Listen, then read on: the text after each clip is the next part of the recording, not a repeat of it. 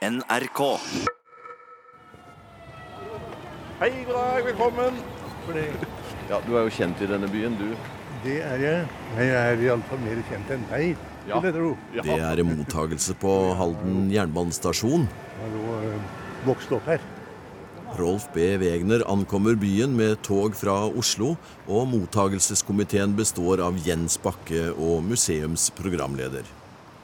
Gå direkte i fengsel, lyder det i et kjent brettspill, og det er det vi skal nå. Jeg husker første gang jeg så Fredriksten festning. Det glemmer jeg ikke. Da ville jeg gjerne opp dit med en gang, men øh, faderen sa at det får vi heller ta litt senere. Vi går mot eh, byens torv. Rolf B. Wegner er jurist og har gjort seg bemerket i sine mange roller i politiet og kriminalomsorgen. Annet politimester i Bodø og Bergen. Han har vært hos Riksadvokaten, på Politihøgskolen, og viktig i denne sammenheng, han har vært sjef for fengselsstyret i Norge. Jens Bakke er fra Halden, også jurist, og leder Fortidsminneforeningen i Østfold. Og nå er vi kommet fram til byens torv. Ja, dette er, dette er et skikkelig bytorv. Altså, dette var en eh, garnisonsby med, med, med arkader. Der hadde de borte, ja, i eh, I vest borte mot jernbanen på hjørnet. Og på motsatt side, her vi står nå, så lå det gamle rådhuset med søylefasade ut og med vakt i kjelleren Ja. for, for byens vektere, der de kunne hive inn eh, fyllefanter og annet. Eh, og så over oss så troner jo Fredriksten. Festningen i, i høyden med mm, der fengselshistorien begynner på mange vis sånn i Norge. Altså, I riktige gamle dager så hadde vi jo ikke fengsler. Fengsler var dyrt. Det måtte være folk til å passe på, man måtte ha hus. Eh, Så hvis man gjorde noe gærent, så ble man eh, sendt til Island liksom, fra, fra gammelt av. Eller man ble halshogd, eller man måtte stå i gapestokken på kirkebakken. Eller mest populære til dags dato betale bot. Det var jo mm, greit for alle parter. Ja. Eh, Men så fikk man fengsler etter hvert. Begynte med å sende det til København. Det ble dyrt og, og dumt. Så, så på 1740-tallet så ble festningene i Norge de første fengslene. For der var det jo fangevokter i form av soldater, og der var det murer. Så på Fredriksten så ble det alltid et stort slaveri, som de kalte det. For eh, disse straffangene de, de ble dømt til slaveri, og de ble kalt slaver, og, og bodde der i eh, store hvelvinger. Kummerlige forhold og straffarbeid. Altså, de ble satt til å jobbe på festningen. Og var det ikke jobb der, så ble de leid ut i byen.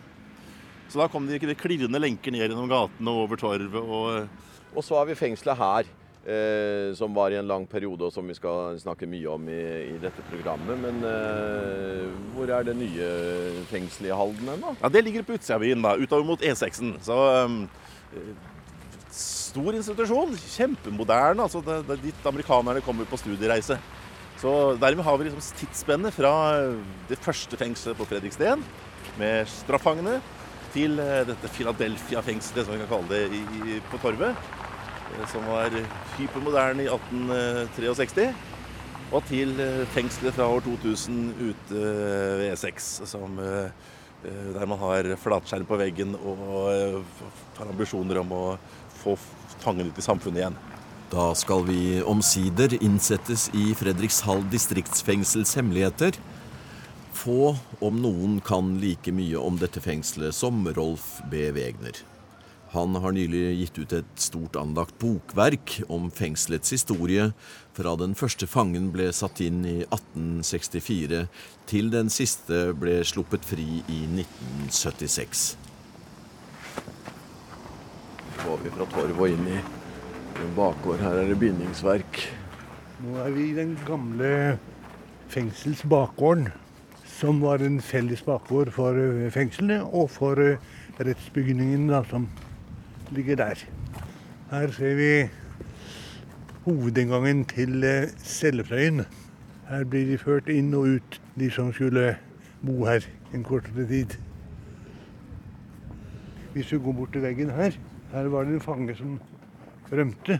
Han brukte en tid på i eh, hemmelighet å grave seg gjennom veggen. Ja vel? Og eh, det han gravde løs av stein og murpuss, det klarte han å skjule inn i cella. Ja. Så etter en eh, ukes hardt arbeid hver natt, så hadde han fått såpass åpning at han kunne smyge seg ut. Hvordan gikk det med han? Jo, han øh, kom ut i friheten. Men så gikk det med ham som med all, så godt som alle andre som har rømt herifra. De ble tatt etter kort tid. Og da ble det et lite oppgjør i form av en refs. Det kunne bli straff på vann og brød, eller det kunne bli hardt sengeleie. Eller hardt natteleie, som det het. Da måtte de et antall netter ligge rett på gulvet. Med et ganske tynt lite klede mellom seg og gulvet. Ikke noe spesielt trivelig. Men det er ikke straffbart å rømme. Det kan være greit for noen om der å vite. Det er ikke straffbart å rømme, men det, det er straffbart å hjelpe noen til å rømme.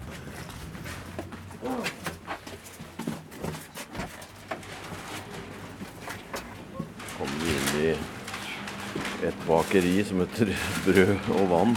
Ja. Det er Helsetilsynet som kommer på en uanmeldt kontroll. Ja, det er greit. Ja, det er ikke helt sant. Er vi i fengselet nå? Nei, Nei. det er vi ikke. Vi er i nabogården. Men nå kommer vi inn i kjelleren i eh, fengselet. Og i kjelleren her er det en korridor som går i husets lengde, og så er det fem forskjellige rom som vender ut mot torget. Rolf B. Wegner eh, viser vei ned under gateplan og inn i bakeriet Vann og Brød. Og han lar ikke anledningen gå fra seg til å spøke med betjeningen før vi går videre inn gjennom korridorer og mot celleavdelingen. Nå skal vi inn i eh, Norges største fengselsklenodium. Ja, så da må vi vise en viss ærbødighet. Ja. Jeg kan beholde lua på, kanskje. Det er, det er Under, kaldt. under tvil. Ja. Under tvil. Ai, se her, ja. Nå står vi på innsiden av denne døren som vi så Som på. vi på, på utsiden, ja. Ja. Ja, her skjønner vi at det er et spesielt sted. ja. Så det er eh, en celleavdeling med tolv eh, enkeltceller, eller eneceller, fordelt på to etasjer. Og med en eh, steil trapp i midten. Og ikke noe tak i, mellom første og andre etasje, men isteden er det gallerier på begge sider. Ja. Og dermed så blir fengselet meget oversiktlig. Det blir lettere å kontrollere når spesielle behov oppstår. Hva er årsaken til at du har via dette fengselet så stor eh, oppmerksomhet? Jeg, har jo vært eh, sjef for fengselsvesenet en, del år, i 80-årene. Um, og så har jeg jo bodd i Halden, da. Vokst opp i Halden. Og så er jo dette et veldig spesielt fengsel.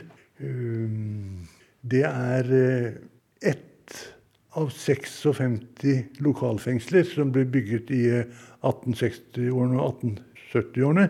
Og er det eneste av de fengslene som i dag eh, er så godt som autentisk.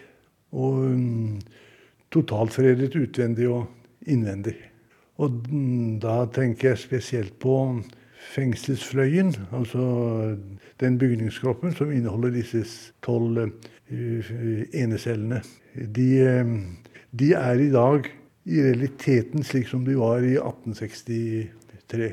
Hva var bakgrunnen for at det brått ble bygd så mange fengsler i Norge? Jo, eh, på eh, første halvdel av 1800-tallet så kom det frem veldig mye og hard og berettiget kritikk av eh, forholdene i lokalfengslene i, i Norge. Fengslene var små, trange, usunne. eh, Folk, eh, fangene oppholdt seg i store saler, i fellesrom. Eh, Unge og gamle og garvede lovbrytere sammen med førstegangslovbrytere. Elendige sanitære forhold osv. Så, videre, og så, så ville myndighetene da gjøre noe med dette. De ville modernisere fengselsvesenet. Og um, man utredet grundig hvordan dette burde gjøres. Eh, Innhentet eh, opplysninger fra utlandet. Og det hele resulterte i en lov.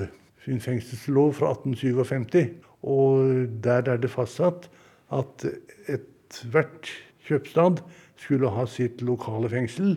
Og fengsel skulle se, se slik og slik ut. Skulle være bygget sånn og sånn og innredet sånn og sånn. Og samtidig ble det fastsatt sentralt nærmere reglement for hvordan fangene skulle behandles. Så i de, i de, årene så skjedde det en formidabel utvikling av fengselsvesenet. 56 nye fengsler spredd over det ganske land. Eh, man kan jo spørre seg selv eh, eh, hva kostet det for det fattige, karrige Norge?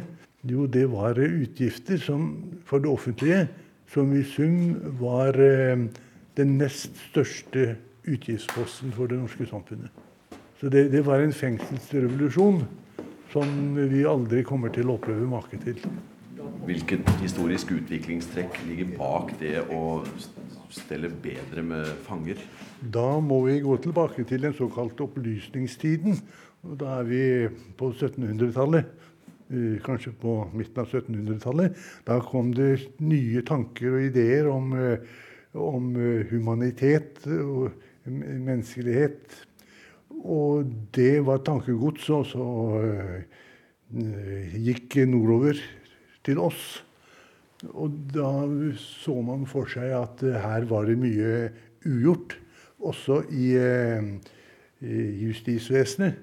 Og det var nok den prosessen der og de tanker og ideelle forestillinger som var med på å sette satte i gang hele denne moderniseringsprosessen av eh, fengslene her i, her i, her i Norge. Uh, inntil da hadde man sett på fengsler som noe som var nødvendig for å kunne hevne seg på lovbryteren. Hevnen var liksom det sentrale innholdet i fengselsstraffen. Men nå fant man ut at man må også ha eh, et annet siktemål, nemlig at fengslene skal medvirke så sterkt som de kan til at uh, fangen blir forbedret som menneske. At han får en øket mulighet til å klare et lovlydig liv etter løslatelsen. Så det er de grunnleggende verdiforestillingene som ligger bak denne store fengselsreformen som jeg nevnte. Og da bør vi kanskje også føye til at det var ikke bare lokalfengslene som ble utviklet, men også de store statseide straffanstaltene, som Akershus landsfengsel og som eh, Botsfengselet. Ja. Hvor de som tok hånd om de helt store og grove lovbryterne.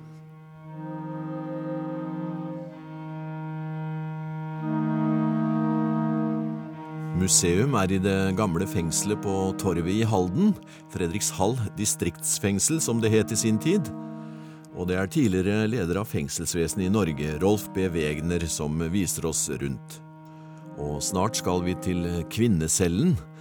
Her satt i sin tid giftmordersken Sofie Johannesdatter, fengselets mest beryktede fange noensinne.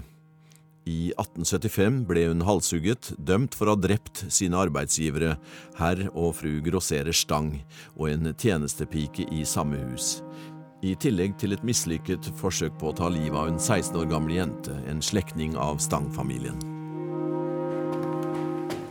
Nå går vi altså opp midt i dette åpne rommet hvor det er celler både nede og, og oppe.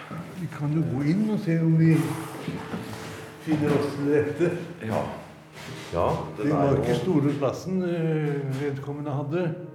Det er en eh, ca. syv eh, kvadratmeter. Ja. Litt høyt under taket. Og vinduene er plassert slik at det er uh, meget vanskelig å kunne se ut. Det var noe av hensikten, at fangen skulle være isolert her.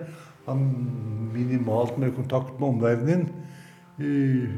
Skulle ikke se ut for å liksom få tiden til å gå på den måten. Og eh, han skulle bare ut av cella når det var nødvendig. Og hvis du ser på celledøren, så ser du en såkalt serveringsluke.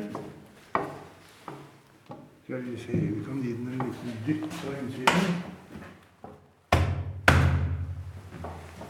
Slik at eh, når fangen skulle ha mat, så kunne slutteren eller eh, den som skulle gi ham maten, plassere maten der. Det var ikke nødvendig å åpne døren eller gå inn i cella. Maten ble plassert der, og fangen tok den og, og spiste. Ja. Og etter hvert så fikk eh, cellene sine spesialfunksjoner. Det var én celle som var reservert for damer.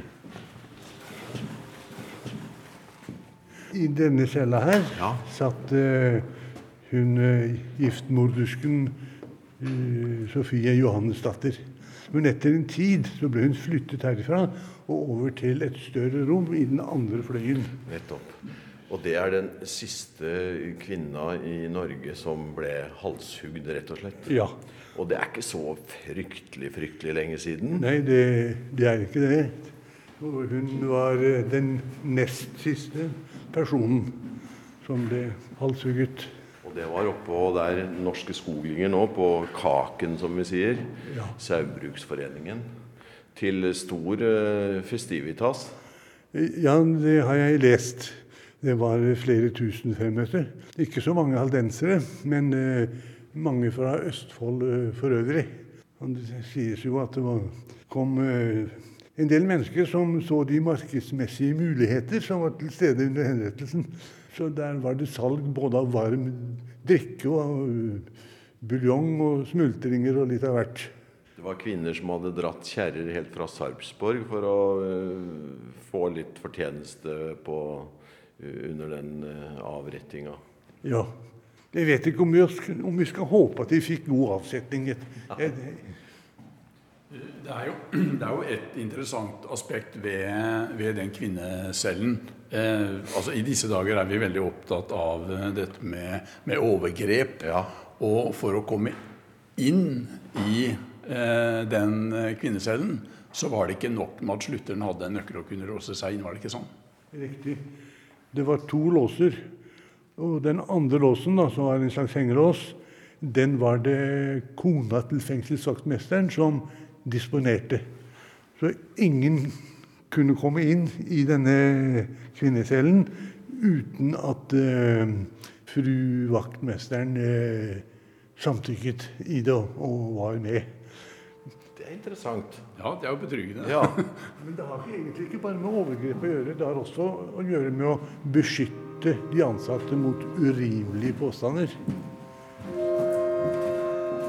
Det med vogga Ja. Det er også litt interessant i forhold til eh, kvinnecellen. At man hadde en vogge, slik at eh, kvinner da, som hadde små barn, skulle kunne ha med seg barnet i fengselet. Rolf får korrigere meg hvis eh, det er feil, men Det var eh, nesten riktig. Nesten helt riktig. Det var en ekspedisjonssjef fra Justisdepartementet som var på besøk her. Og han bemerket at det var ikke noen eh, vogge på kvinnecella.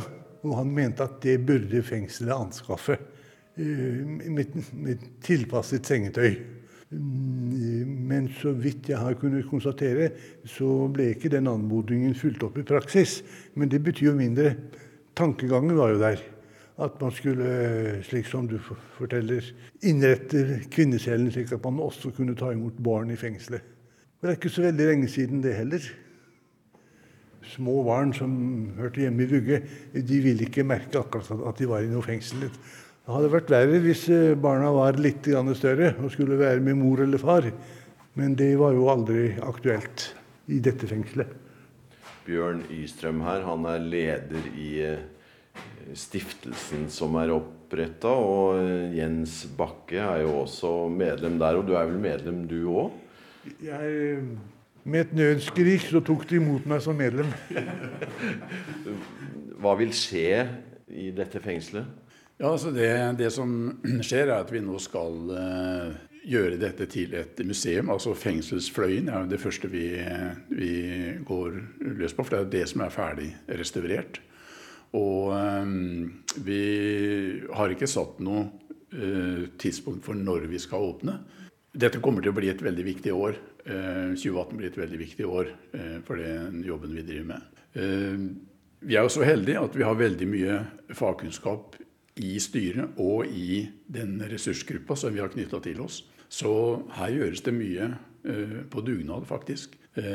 Og det bidrar jo til å holde kostnadene nede. Så vil vi jo være avhengig av velvillige sponsorer for å få dette helt i havn. Og det tror vi helt sikkert vi skal klare.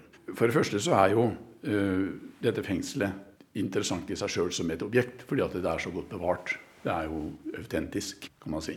I tillegg så representerer det jo en viktig del av den linja som går, den historiske linja, altså fra slaveriet på festningen, altså, også til ikke bare Norge, men verdens mest moderne fengsel her eh, i utkanten av, av byen.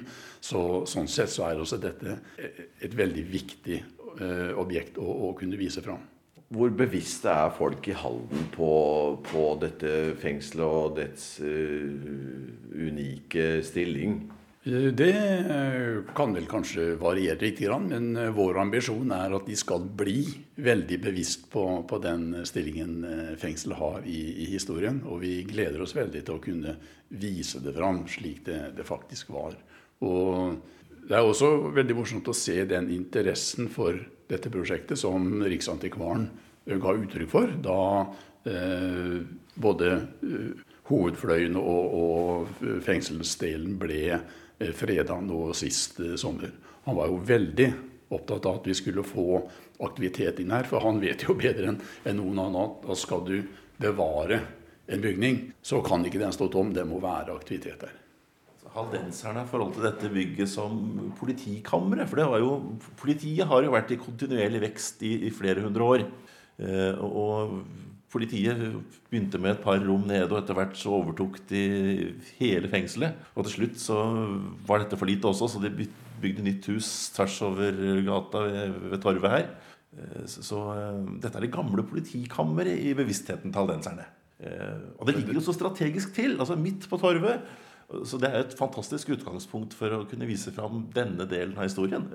Men dere ante at det var fanger bakafor her? Ja, men vi var nok ikke så bevisst på det. Altså, Det var nok Rolf Wegner som uh, sa at dette var faktisk et klenodium. Uh, og jeg er ikke sikker på at hvis ikke Rolf Wegner hadde kommet og sagt det, at vi uh, hadde tatt vare på det, rett og slett. Så det er liksom hva enkeltpersoner kan bidra med av kunnskap og åpne øynene. For fredninger har jo tradisjonelt vært slott og herregårder og de store, flotte bygga som man skapte stolthet. Men så har man blitt mer og mer bevisst i senere år at man kanskje måtte vie et bredere spekter av, av, kulturhistorien. Uh, interesse, altså Disse fellesskapets bygninger, hvor, uh, hvor fengselet representerer liksom bunnsjiktet. Uh, men det er en viktig del av historien, dette også. Og så var det jo også sånn at det var jo, det jo fyllearrest her nede.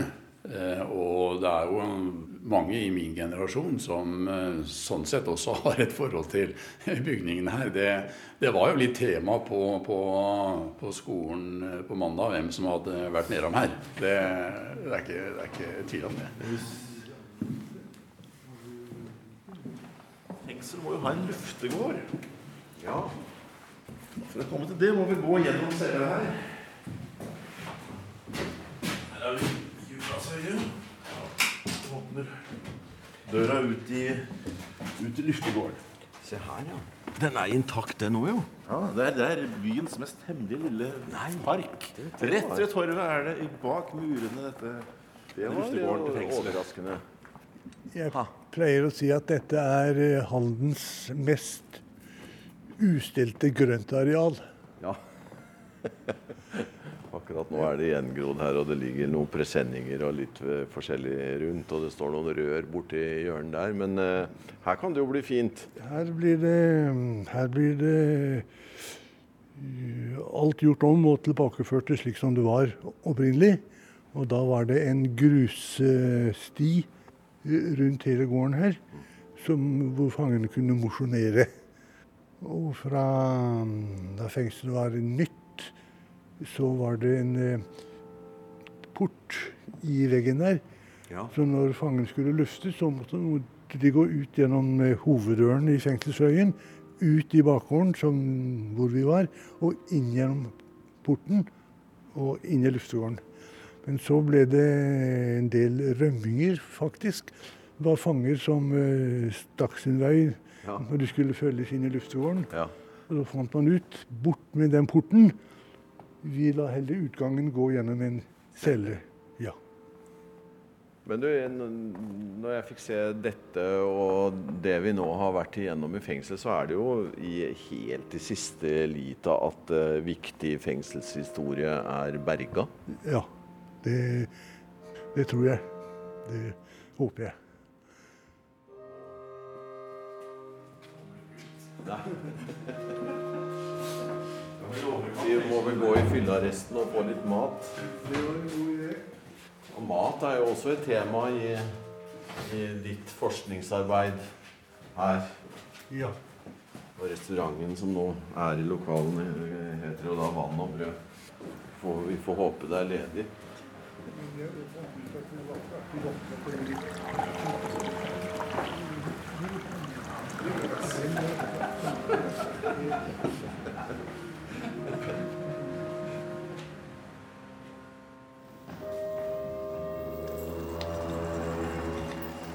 Du har hørt en podkast fra NRK P2.